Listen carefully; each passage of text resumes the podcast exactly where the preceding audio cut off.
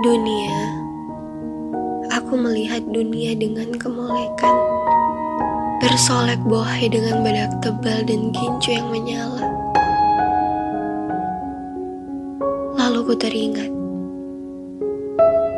dia berhias untuk dirinya sendiri. Tapi kenyataannya dia sakit memaksakan diri.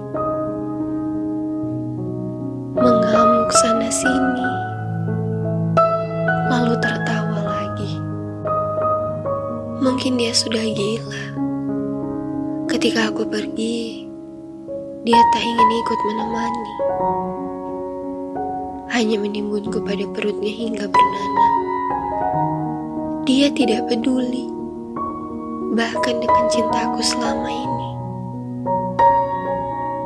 Lalu aku tersadar apa yang ku cari dan apa yang ku dapati. Sangat telat ku pahami. Kini aku telah merugi dalam tumpukan tanah yang menghimpit.